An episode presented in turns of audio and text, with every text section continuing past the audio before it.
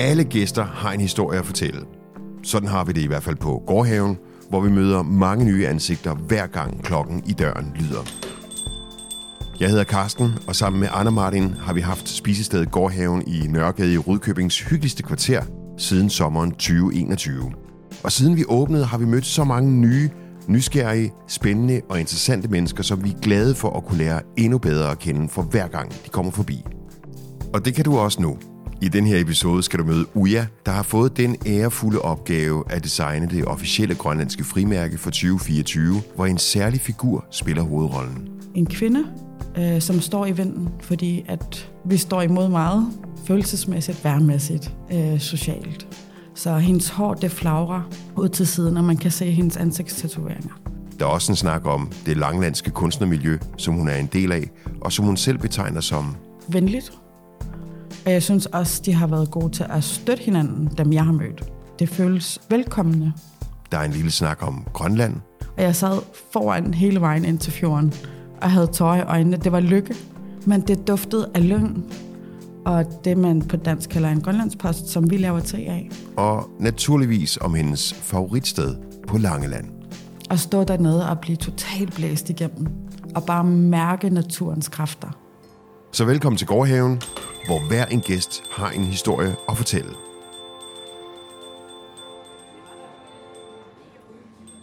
Hej Uja, Hej Karsten. og velkommen til Gårdhaven. jo, tak. Lige siden vi har lært dig at kende, så har vi kaldt dig for Uja. Mm. Fordi det virker som om, at det er nemmest for dig, når du skal navigere igennem Rudkøbing, Langeland, Danmark, i verden i det hele taget, at bare sige, at du hedder Uja. Ja, men jeg hedder Uyam Mioga, og det, mine forældre af den generation, som fik arvet alle deres navne, og de var danske navne. Og det var den generation, der gerne ville lave om på det. Så jeg hedder Uyam Mioga, og dem, der har kendt mig i 30 år, kalder mig Uyam og alle andre kalder mig Uya. Fordi man ser mit navn, og så bliver folk bange for at sige noget. Øhm, og så er det bare nemmere at starte et eller andet sted. Dermed afvæbner du jo også lidt folk, sådan i forhold til, at du siger, at du hedder Uja. Det kan folk sikkert godt stusse lidt over, at Uja, hvad det er, det er et sjovt navn, et spøjsnavn, men dejligt navn. Men øh, der kommer formentlig flere spørgsmål, hvis du siger hele dit navn. Det gør det også. Det betyder egentlig hende, man har søgt længe efter. Det, det er Altså, bare det så prætentiøst. Ja. ja. Hende, man har søgt længe efter. Ja. Og nu er du her. Nu er jeg her. jeg troede i starten, der var noget, at det havde noget med en halskæde at gøre, for det lyder også sådan på grønlandsk. Men øh, der var en af mine veninder, der en dag fandt et, øh, sådan et navneregister. Og så stod der hende, man har søgt længe efter. Og så er jeg bare hende. Det er bare i orden.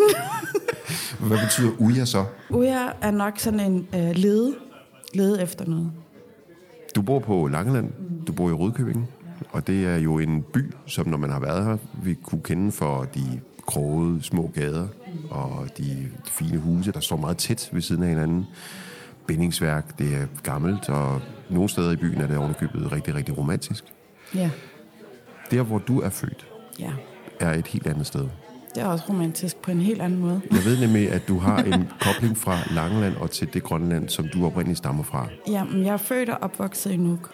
Ja. Øhm, og jeg begyndte at flytte herned, da jeg begyndte at studere hernede. Så havde jeg en læreplads øh, som grafiker. I et, øh, de delte mig. Det var et trykkeri og et forlag, der skiftes til at have mig som elev. Og så rejste jeg til Danmark for skolen, fordi vi har ikke en grafisk skole. Og så har jeg boet i Danmark. København, Odense, Rødkøbing. Halvdel af mit liv. Og jeg er 43, må man godt sige det. Det må man gerne sige. Jeg er 51. Ja. ja, men det er bare sådan en... Mm, Folk spørger tit, hvor lang tid har du boet her, og hvad betyder dit navn, og hvorfor hedder den? Og...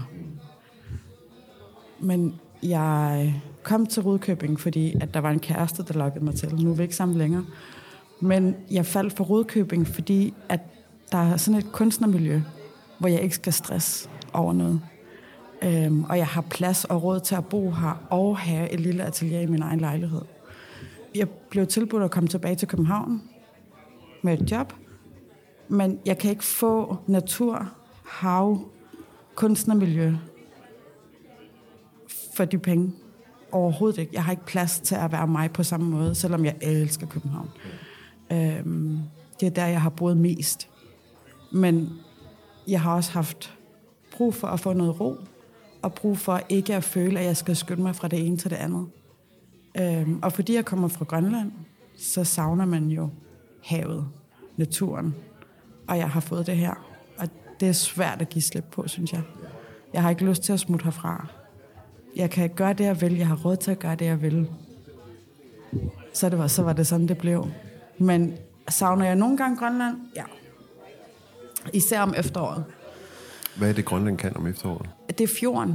Jeg savner fjorden. Jeg er hele min barndom, øh, alle de gange, jeg har været hjemme ellers, så har vi brugt lige så snart det er sejlvejr, hver weekend ind til fjorden.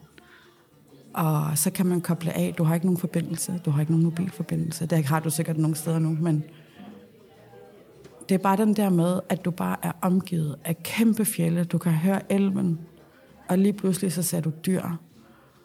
Og duften, duften kan ikke sammenlignes. Altså jeg bliver sådan helt rørt, bare fordi jeg siger duften. Fordi sidst jeg var i Nuuk øh, i den sæson, så sejlede mine forældre mig ind til, øh, ind til fjorden. Og jeg sad foran hele vejen ind til fjorden, og havde tøj i øjnene. Det var lykke. Det var ikke... Øh Men det duftede af lyng, og det man på dansk kalder en grønlandspost, som vi laver te af. Og den duft, det er det mest trygge i verden for mig. Man bliver påvirket af at være omgivet af den slags natur. Men bliver også sat i øh, skarp kontrast til alt muligt andet i verden, når man er i lige præcis Ja, men den også fordi du er så natur. lille. Man glemmer sig selv, gør man ikke det? Jo, og man, man, altså, alting er så stort, så er du bare en lille del af det. Så du har et andet forhold til, hvis ting sker. Det er ligesom tilflyttere, de siger, at folk siger, jamen senere, eller måske, fordi man ved ikke, hvordan vejret bliver. Øh, så man har bare sådan lært at tilpasse sig efter vejrforholdene. Og så tager man den derfra. Man kigger ikke hele tiden på ur på samme måde, synes jeg. Øh, I hvert fald med min familie, som jeg voksede op med.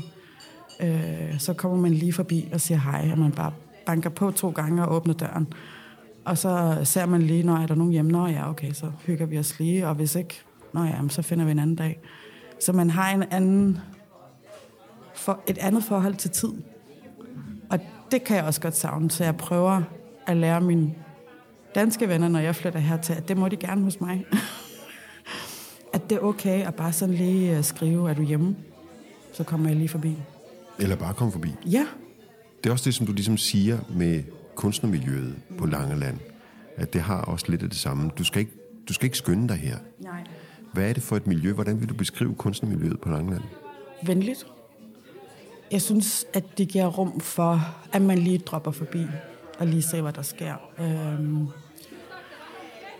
det er ikke sådan en high pace, jeg bor i storbyen. Øh, så skal vi også gøre det, så skal vi også til det. Og, nej, nej. Det er bare sådan, kom og kig forbi. Jeg har været så heldig at møde nogle af de her kunstnere, der bor på øen, som også har samme behov. Og selvfølgelig så kan man være i, altså man kan fokusere på sit arbejde, og man kan være i sådan en lomme, hvor man glemmer tid og sted. Men der er plads til, at man bare sådan lige kommer forbi og tager en kop kaffe. Og jeg synes også, de har været gode til at støtte hinanden, dem jeg har mødt. Og lige reklamere for hinanden, og lige sige, jamen, jeg har hørt, du har brug for det her, og jeg, har lige, jeg kommer lige forbi med det. Jeg synes, det føles velkommende.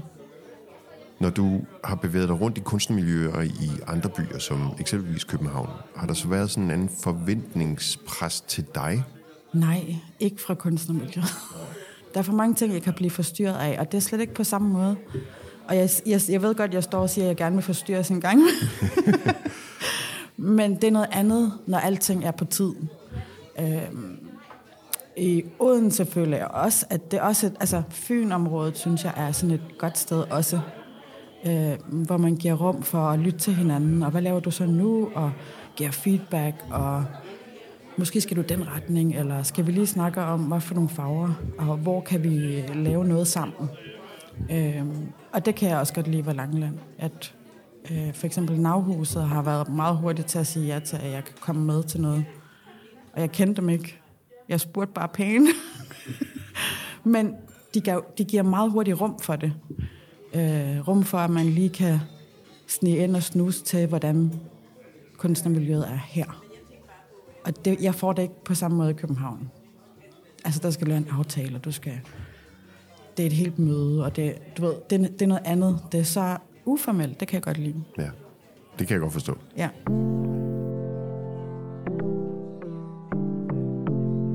Hvordan vil du beskrive din kunst? Rodet. øh, jeg begyndte at male, fordi at jeg skulle have afløb for følelser. Og jeg kan godt mærke, at alt, hvad jeg laver, det er sådan noget følelsesbred noget. Hvis jeg lige... Altså, jeg har ikke én linje, hvor jeg bare bliver ved med at lave det samme slags ting. Og de samme materialer, jeg bruger. Øh, det er meget om... Altså, den forrige udstilling, vi havde, var selvportrætter. Fordi at vi tænkte, at der godt kunne være brug for at kunne se sig selv i kunstværker. Og genkende sig selv. Og genkende en følelse. Og det var grænseoverskridende for mig, fordi jeg kan ikke lide at male mig selv. Men det gjorde jeg et helt år for at lave et udstilling. Øhm, og nu laver jeg noget, der er en mellem... Det er sådan noget, øh, en mellemting mellem abstrakt og noget, der er figurativt. Så i mange år, der lavede jeg abstrakt, før jeg lavede portrætter. Og det fordi jeg var bare, jeg nægtede bare, at det skulle være ligesom alle de andre. Så den der forventning op, når du kommer fra Grønland, så laver du landskabsmalerier, eller at det bliver meget sådan ikonisk. Øhm, og nu er jeg nået dertil, at jeg synes, jeg savner det, og jeg vil gerne hylde det, jeg kommer fra. Så lige pludselig så står jeg fra og har sagt, at jeg vil aldrig lave Grønlands maleri. og nu står jeg bare og laver næsten kun det. Det jeg er i gang med nu er for eksempel, at jeg har taget billeder af stenformationer af min gamle legeplads. Øh, I sådan nogle stenformationer. Vi legede jo meget udenfor. Og så har jeg taget billeder af det, og så vil jeg gerne male det som noget trygt og lave en fortolkning på det. Sådan så folk kan se det smukke i. Det er det, jeg har leget i. Det er det, jeg har følt mig tryg i. 2024 er altså også et år, som er meget, meget markant for dig. Fordi du oplever noget, som er de færreste kunstnere forundt. Mm. Det er netop at lave dit kunstmaleri ja. og dit kunstværk ja. til et officielt frimærke. Ja. Så det her, det er simpelthen det grønlandske frimærke, ja. som er 2024-udgaven. Ja, og det er lidt vildt. Ja, det er altså det er, det er meget vildt. Og så kan man selvfølgelig begynde at snakke om, jamen, hvor meget bruger man efterhånden frimærker. Og jeg er jo også den generation, hvor jeg, jeg, jeg samlede det også på frimærker. Også mig, og det, ja. det, ja, og det var da mega spændende. Ja. Men ja, det, det er altså længe siden, jeg selv har købt et, et frimærke. Øh, også mig, fordi det er ikke noget, vi bruger i Danmark særlig meget længere. Men den anerkendelse, Ja, det er virkelig vildt. For det første, stort tillykke med det. jo tak. For det andet, hvordan ser det ud? Emnet var øh, grønlandske tatoveringer. Og jeg må indrømme, at jeg havde været til foredrag, hvor jeg skulle høre om det, og, men, og jeg har selv et, men for mig var det øh, spændende at research, at prøve at finde ud af, okay, hvordan fungerer det egentlig? Fordi du får noget fortalt mund til mund, men hvordan fungerer det egentlig? Og hvad er historien? Og problemet med historien er, at det ikke er dokumenteret særlig godt. Fordi at da de kristne kom til Grønland, så sagde de, ansigtstatoveringer eller tatoveringer i det hele taget, det er hedensk. Man stoppede med det, og man, man bad folk om at lade være. Og det gjorde de. Men nu har den fået en revival, hvor en masse inuitter fra Alaska, Canada og Grønland begynder at bruge det igen. Og det er mere generation efter mig, synes jeg, øh, som har taget det op igen. Fordi sådan nogle ting kommer i perioder med, at man gerne vil mærke, hvem man er. Og vise, hvem man er i verden. Og så være stolt af det. Ikke holde sig tilbage for det. Så jeg blev lidt stolt over, at jeg skulle lave det, men det var også øh, frygtindgydende. at skulle præsentere noget, som er øh, så vigtigt for mit folk, som var blevet taget væk i et par hundrede år, og som så er kommet tilbage igen. Øhm, så jeg har lavet en, øh, en kvinde, øh, som står i vinden, fordi at vi står imod meget, følelsesmæssigt, værmæssigt, øh, socialt, whatever. Så hendes hår, det flagrer ud til siden, og man kan se hendes ansigtstatoveringer og tatoveringer i brystet. Fordi jeg vil gerne præsentere noget, hvor man kunne genkende sig selv og føle sig stærk. Og stærk i ens identitet. Og så håber jeg, at, øh, at folk også synes det. så det er sådan lidt frygtindgydende. Men der er så meget historie med det, så jeg er stolt af at være en del af det. Det er jeg. Det kan jeg godt forstå. Ja. Men også det der med, at man som kunstner får den anerkendelse, at du får lov til at præsentere noget, som bliver sendt ud i verden. Det er også frygtindgydende. Altså jeg tror bare frygtindgydende generelt. Fordi du får en opgave, og jeg føler altid med sådan en opgave, at et ansvar for at fremvise noget, der ikke kun er flot, men også stærkt.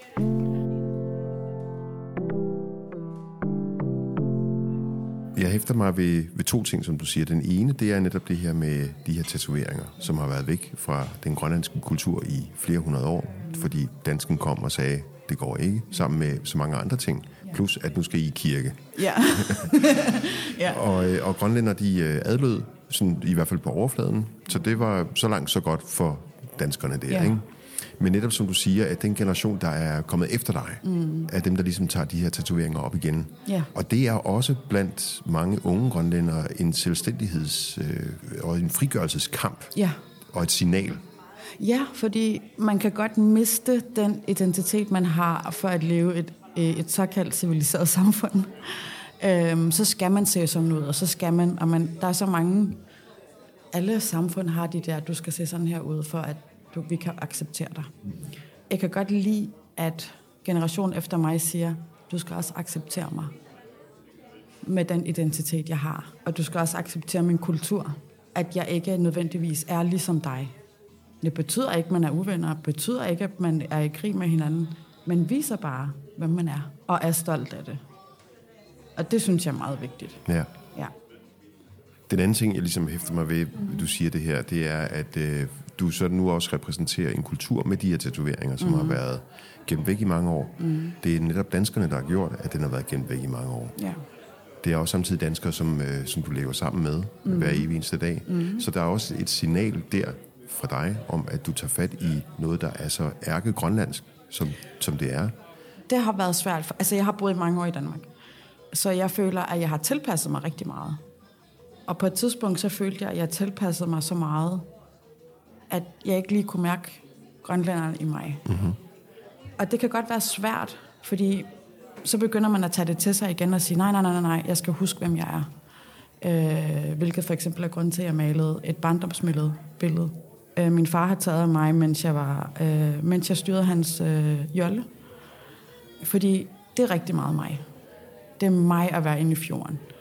Og det er også derfor, at så laver man postkort, så man kan vise, det er der, jeg kommer fra, det er derfor, jeg er, som jeg er, i stedet for, ej, nu skal du være ligesom os alle andre. Fordi at den har jeg selvfølgelig også mødt, men jeg har også mødt nysgerrigheden. Og den er jeg også glad for. Jeg tror, på Langland er at nok det sted, jeg har mødt nysgerrigheden på den rigtig gode måde, mere end andre steder i Danmark. Øh, ikke for at shade København og Odense. Men det er der, at det føles rart at vise. Ligesom at alle andre tænker over, hvem er jeg, og nu vil jeg gerne vise, hvem jeg er, og det er sådan, jeg er. Det betyder jo ikke, at vi skal være uenige i alt. Eller selvfølgelig så vil jeg også gerne have et selvstændigt Grønland. Min personlige mening altså noget andet med, hvornår det sker. For mig under jeg mit folk en selvstændighed. Men der skal også være en meget god basis for det. Øh, og man skal stå meget samlet. Og det gør vi ikke nødvendigvis altid. Men det gør man aldrig rigtigt som nation, så er man selvfølgelig meget forskellig i et land. Men jeg synes altid, at der har været rum for, at vi skulle vise, hvem vi er. Øhm, og ikke kun fordommene. Og jeg vil gerne have, at man råber højt om, hvem man er. Og jeg vil også bare sige til de danskere, der tænker, ja ja, men altså selvstændighed, det kan de da bare gøre, og de vil jo gerne have alle danskernes penge alligevel, og bla bla bla. Mm. Der er ingen, der ved, hvad det er, de snakker om, fordi at det er simpelthen så komplekst, og det er også noget, som vi måske kan tage i et senere øh, afsnit, fordi det er også en ret spændende snak, men det er også en, der beror på ekstremt mange følelser og simpelthen så mange nuancer, så, ja. så det skal man også sætte tid af til at kunne gøre det på den måde. Ja.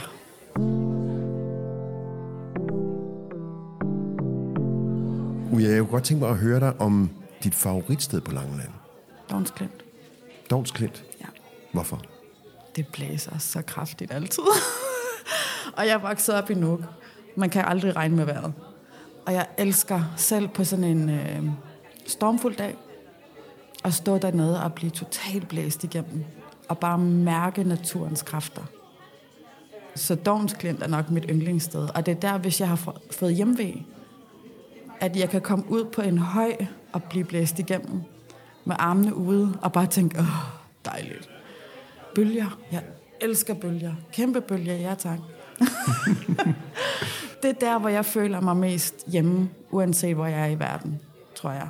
Hvis der er nogle naturkræfter, jeg kan mærke, så er jeg sådan, åh, så kan jeg få ro min sjæl. For det har jeg ikke, hvis jeg er imellem en masse høje bygninger. Det, altså, der kan der også komme nogle fantastiske vinde, men det er ikke fjeld, og det er ikke naturen. Du kan ikke mærke havet. Og det kan man på Dovens Klint. Det er nok lige mit yndlingssted, for at være helt ærlig. Og så Guldstav. Altså, jeg plejer at køre ud til Dovens Klint, og så bagefter Guldstav, og så op på toppen. Der kan man også godt se nogle vider, og man kan se havet, og man kan blive blæst igennem. Så er jeg sådan, så, nu har jeg gået op ad en bakke. Det langelandske fjeld. ja. I alt det voldsomme vejr, der finder du simpelthen en dyb ro. Ja, det er nok det bedste, jeg ved. Altså et stormvejr, hvor ting ryster, så er jeg sådan, åh, nu ind under dynen, og med en kop varm, et eller andet, bare sådan, åh, man kan høre det. Det er den bedste måde, jeg kan falde i søvn på. Men det er det samme, som hvis jeg er i en båd. Jeg sover rigtig godt på en båd. Fordi jeg ved, man kan mærke naturen, og man rokker lidt frem og tilbage, og mm, det er sådan, det er virkelig godt. Det er, ja, det er nok mit fristed. Voldsomt vejr. Så det er det hele værd. ja. Uja, mm-hmm. tak for snakken. Tak fordi du vil have mig.